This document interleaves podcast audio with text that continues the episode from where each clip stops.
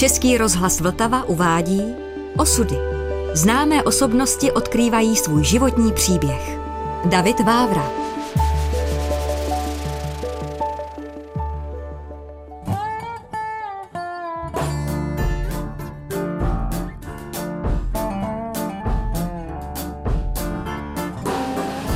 Nenapíšeme už víc.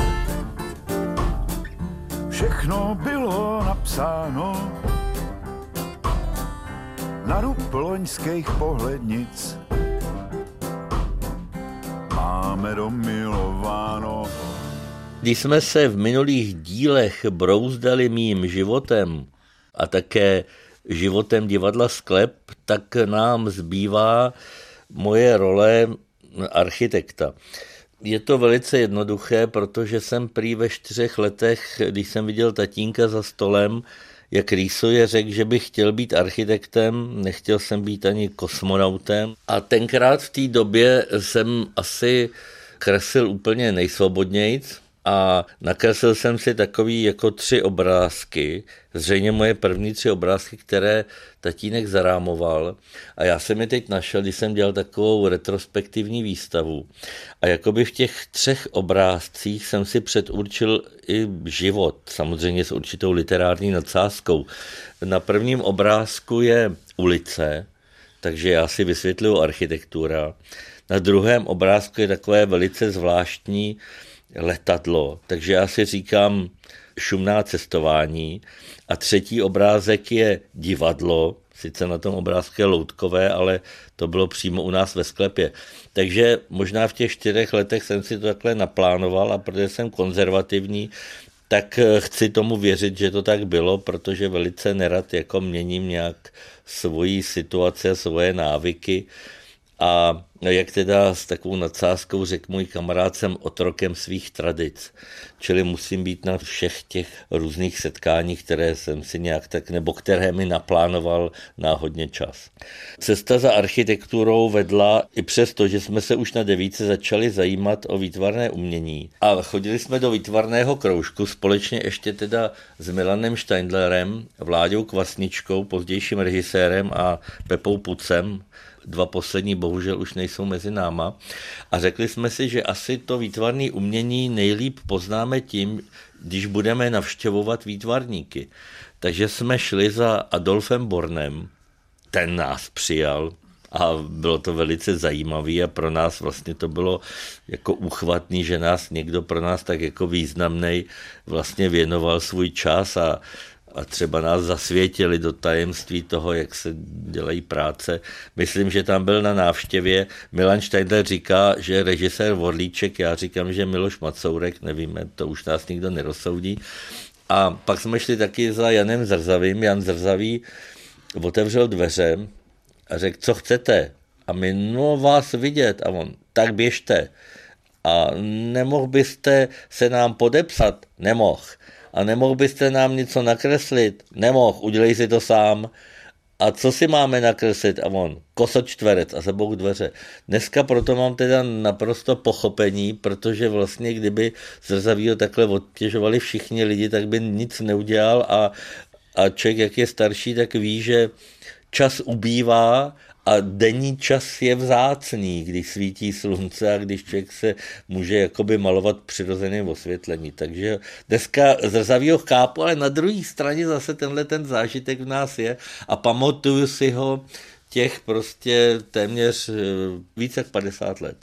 Takže přes eh, nějaký ty výtvarné kroužky pak vedla cesta k tomu, že jsem na výtvarné kroužky chodil i na gymnáziu a pak jsem se přihlásil na stavební fakultu, obor architektura, kam mě nepřijali teda, vystudoval jsem stavební, no a pak jsem začal na konci 80. let pracovat v družstvu pomoci stavebníkům ve zkratce Drupos což byla skvělá zkušenost v tom, že jsme měli báječnou partu a, a užili jsme spoustu jako zábavy a, a měli jsme i takový podnikový firemní akce Druposiády, což byly malé olympiády, byla zimní i letní, kde jsme teda holdovali nejen sportu, ale i alkoholu a byly to krásné večírky. ale trošku ta práce neměla úplně smysl. Byla, protože člověk dělal nějaké věci, které musel dělat trošku z donucení. To družstvo bylo zaměřené na to, že mělo třeba sepisovat pozemky v Praze, čili sepisovalo volné pozemky, protože Praha měla v té době pocit, že třeba není většina plochy zastavěná, která by mohla být.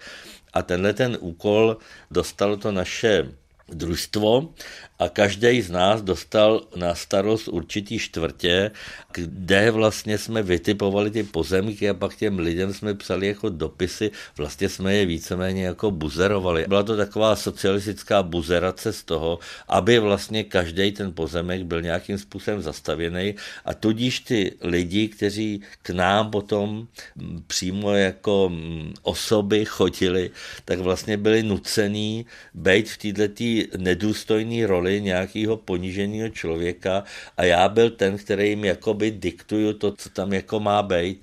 A tahle ta role, že osud rodiny je svěřený do jako mých rukou, mi to bylo tak nepříjemný a tak jako odporný, že vlastně bych nikdy nechtěl jako rozhodovat o osudech jiných lidí. Takže nakonec vlastně ta zkušenost toho je pozitivní.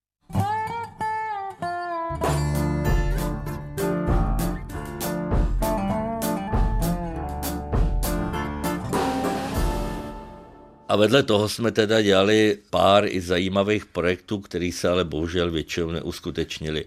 A možná v takovém tušení věcí příštích jsem vystoupil z tohoto podniku v říjnu 89 Možná s tím, že, že jsem tušil tu revoluci, ono to teda souviselo i s tím, že už mi nechtěli dát neplacený volno na zájezd do Ameriky, kam jsme shodou okolností jeli s filmem Kopitem sem, Kopitem tam, takže se to tak dohromady propojilo. A vlastně jsem začal sám pracovat od těch raných 90. let, který mě teda nadchly tou, tou nabitou svobodou, kdy se teda dělali nesmírný krávoviny, kdy lidi začali plánovat různě zámky, i vzdušní zámky, ale člověk tak trošku věřil těm snům a těm plánům, který z 80% všechny si jako zkrachovali, ty lidi přišli o ty peníze nebo je spronevěřili. Takže vlastně ty konce byly takový jako smutný, téměř nic z těch domů nebo z těch projektů nezbylo. Ale ta práce a ta vzpomínka na tu dobu je teda uchvatná.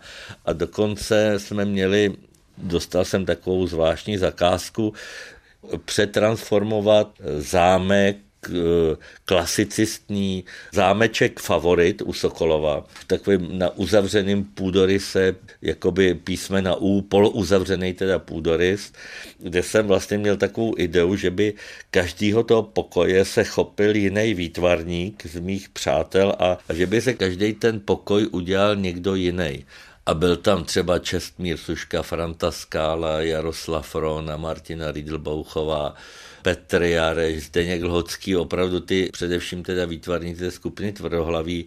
A byla teda škoda, že se to nezrealizovalo, protože by to teď bylo jedinečné a unikátní zachování jisté generace otisklý v nějaké architektuře, i když samozřejmě by se mohlo stát, podobně jak se to stalo třeba s plácem Akropolis, kde fungovala eh, skvělá restaurace navržena Františkem Skálou za mé takové spolupráce architektonické a, a ta byla teda zcela brutálně zničená a hozena někam do sklepa, takže stejně to se mohlo stát i s tím zámkem.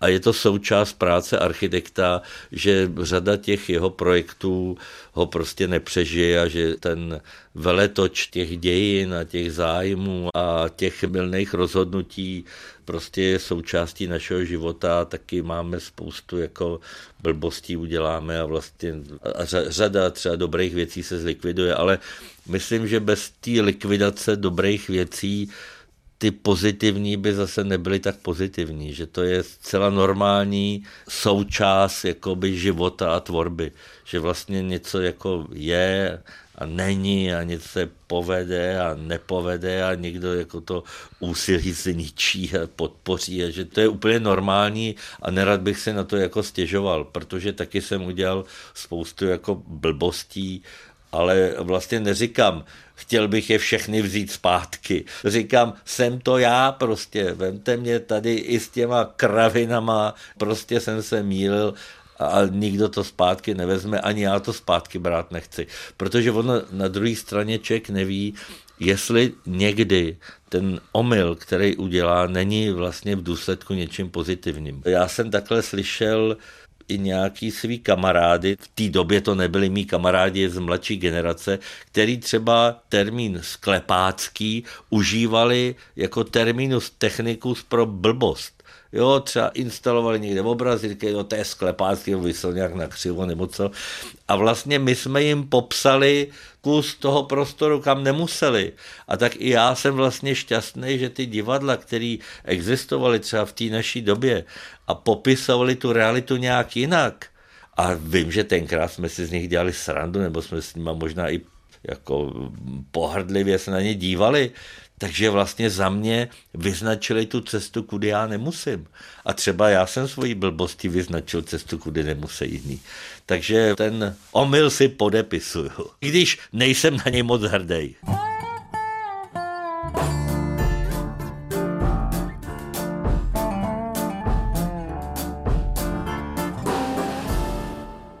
Já jsem od začátku 90. let měl vlastně takový jakoby dvě zaměření. Jedno byly interiéry a druhý byly novostavby rodinných domů.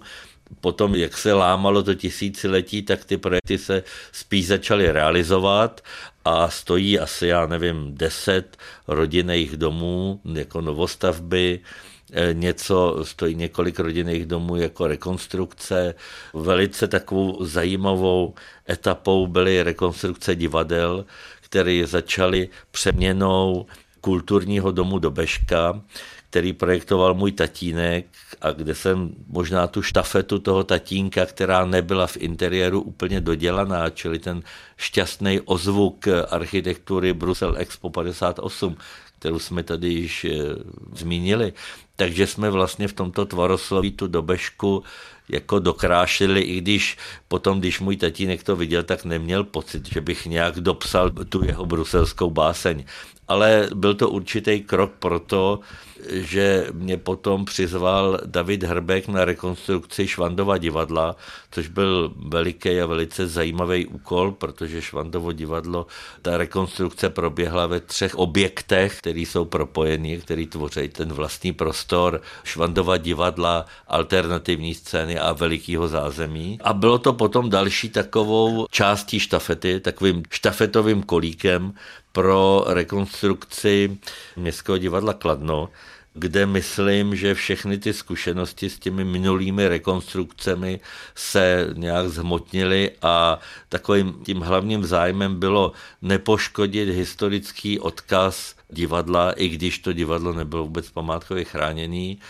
A naopak, co se týče vnitřní struktury, pomoct jednoduchosti provozu a především teda zřídit tam nové scény, kromě klasického kukátka, protože současná dramaturgie požaduje i nějaké alternativní scény. Čili v rámci kladenského divadla bylo zrekonstruováno kukátko, vznikla zvětšením zkušebny alternativní scéna, kde se může zaměňovat jeviště a hlediště. Vzniknul kavárenský prostor pro drobné pořady a literární setkání v rámci nově přistavěné kavárny a vznikly dvě venkovní scény, která jedna zřejmě se teď bude představovat. Takže jako to divadlo dostalo čtyři nové scény a docela potom ten vývoj toho divadla za posledních pět let ukázal, že vlastně se všemi těmi prostory ta současná dramaturgie dokáže pracovat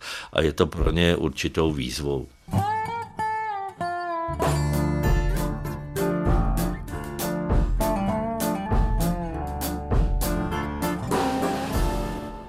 Pro mě zajímavou etapou byly rekonstrukce církevních objektů, anebo i drobné kaple, které některé se postavily, některé ne. A takovou nejzodpovědnější byla přestavba evangelického sboru v Praze v Modřanech, kdy jsme vzali fasádu a protože současná místnost pro bohoslužby měla velice nepříjemnou proporci, byla úzká a dlouhá, čili připomínala spíš kino, tak my jsme vzali čelní fasádu.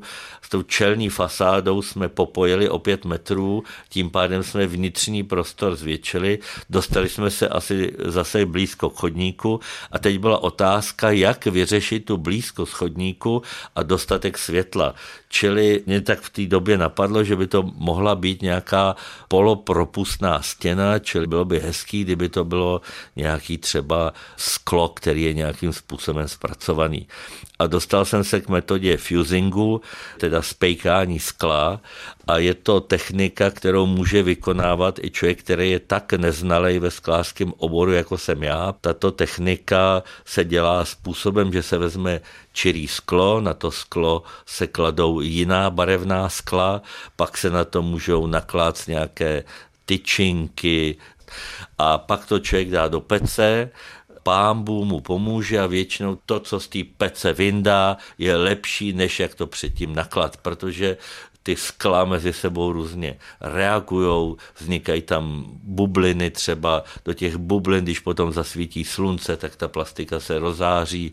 A je to úžasná metoda, kterou teď asi už takových 16 let se s ní zabývám a touto technikou jsem udělal řadu realizací asi, nevím, možná 100, některý jsou úplně drobný, jako jsou to mísy, který dávám k Vánocům, ale jsou to i doplňky interiéru, a nebo i takové dělící stěny, jako byla právě tady ta stěna v Modřanech, která měřila 10 metrů, byla 2 metry vysoká, skládala se z deseti starozákonních skelb, 10, takže symbolicky jako desatero, starý zákon, přes kterou ale pluje vlastně ta novozákonní zpráva ryba, symbol Ježíše Krista, ichtis, Ježíš Nazarecký, syn boží vykupitel, jakože ten nový a starý zákon jsou jednotný.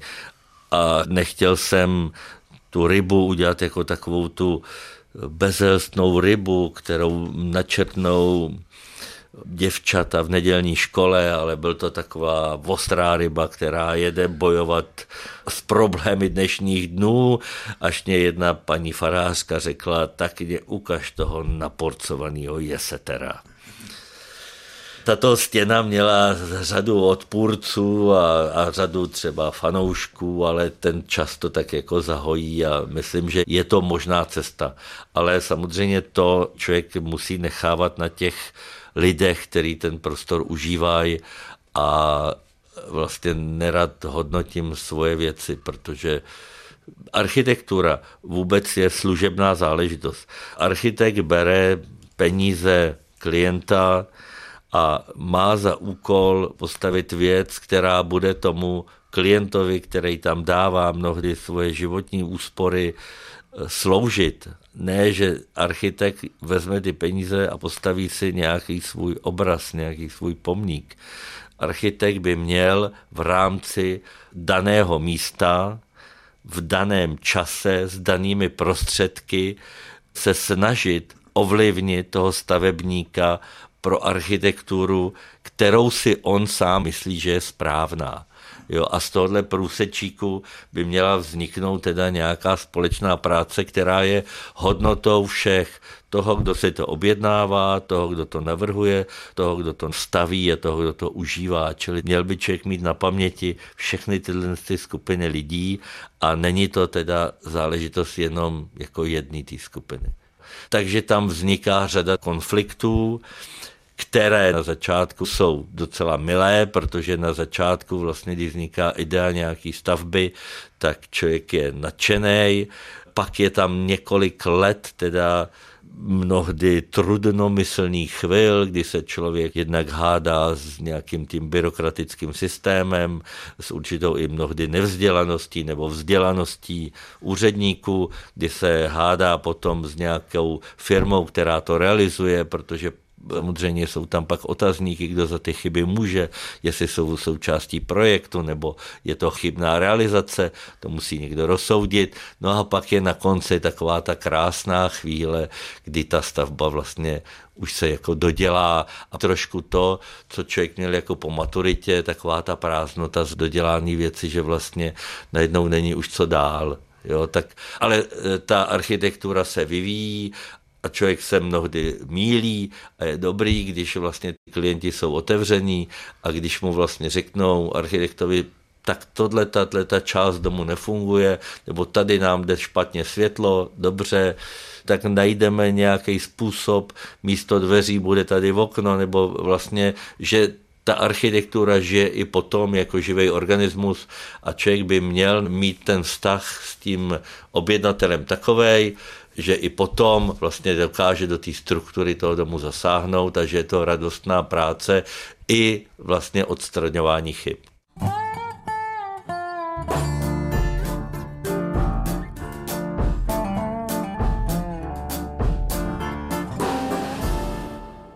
Několik drobných veršů přečtených v kavárně v mém základním tvůrčím prostředí.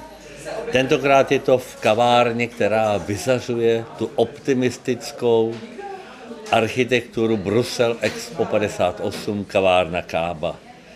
Architektura je denní hmotný chléb. Architektura měšťanský salon, ba i Kristův chléb architektura, na nočním stolku lampa, architektura, v lese celta trempa, architektury se celý život nezbavíš, nakonec náhrobek ti děti postaví. Rým o židli. Židle je přátelská protéza těla. Židle to patrona pro designerská děla na židli zemřeš pomocí elektřiny, když židli máš, nejsi pln špíny. Kdo židli má, ten bydlí. Židle je pro člověka mlčící pes. Za židli ti poslouží vyhřátá mes. Na židli usedáš do smrti znova, židle ti určuje, kde jsi doma.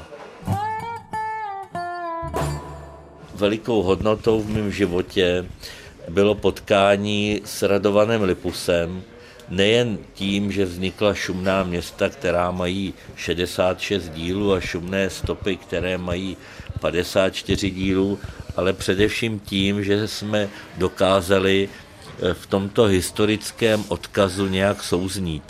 A že štáb, který začal dělat před eh, více jak 28 lety snad, takže do dneska je stále ten stejný, že je tam stejný kameraman, stejný zvukař, stejná produkční, stejný pan režisér Radovan Lipus a stejný já průvodce.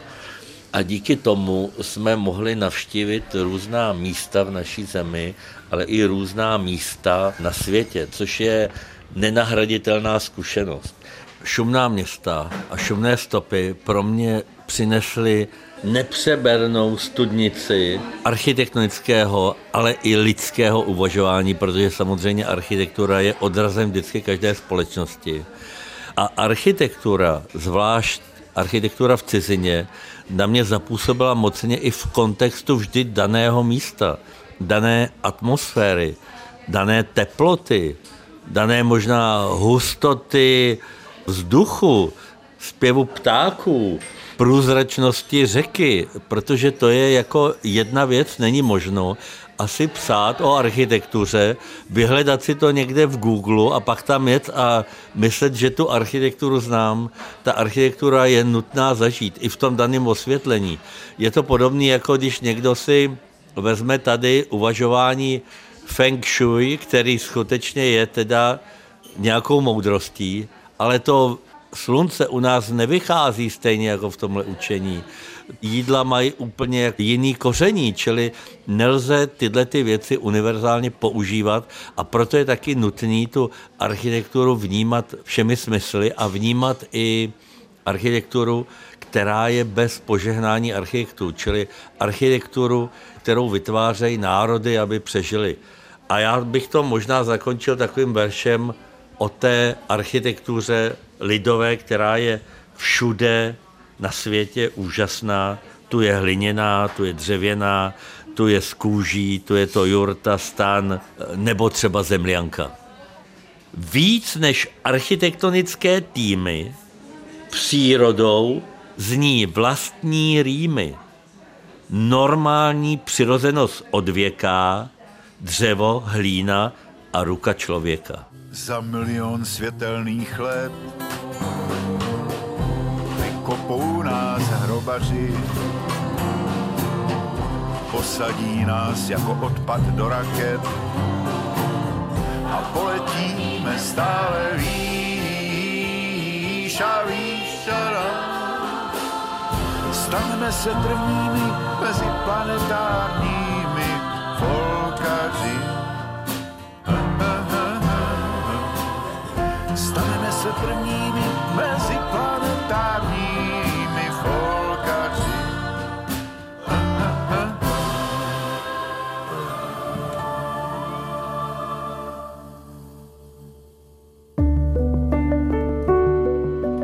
Podcast Osudy připravil Český rozhlas Vltava. Další části si poslechněte na webu vltava.rozhlas.cz, v aplikaci Můj rozhlas a ve vašich podcastových platformách.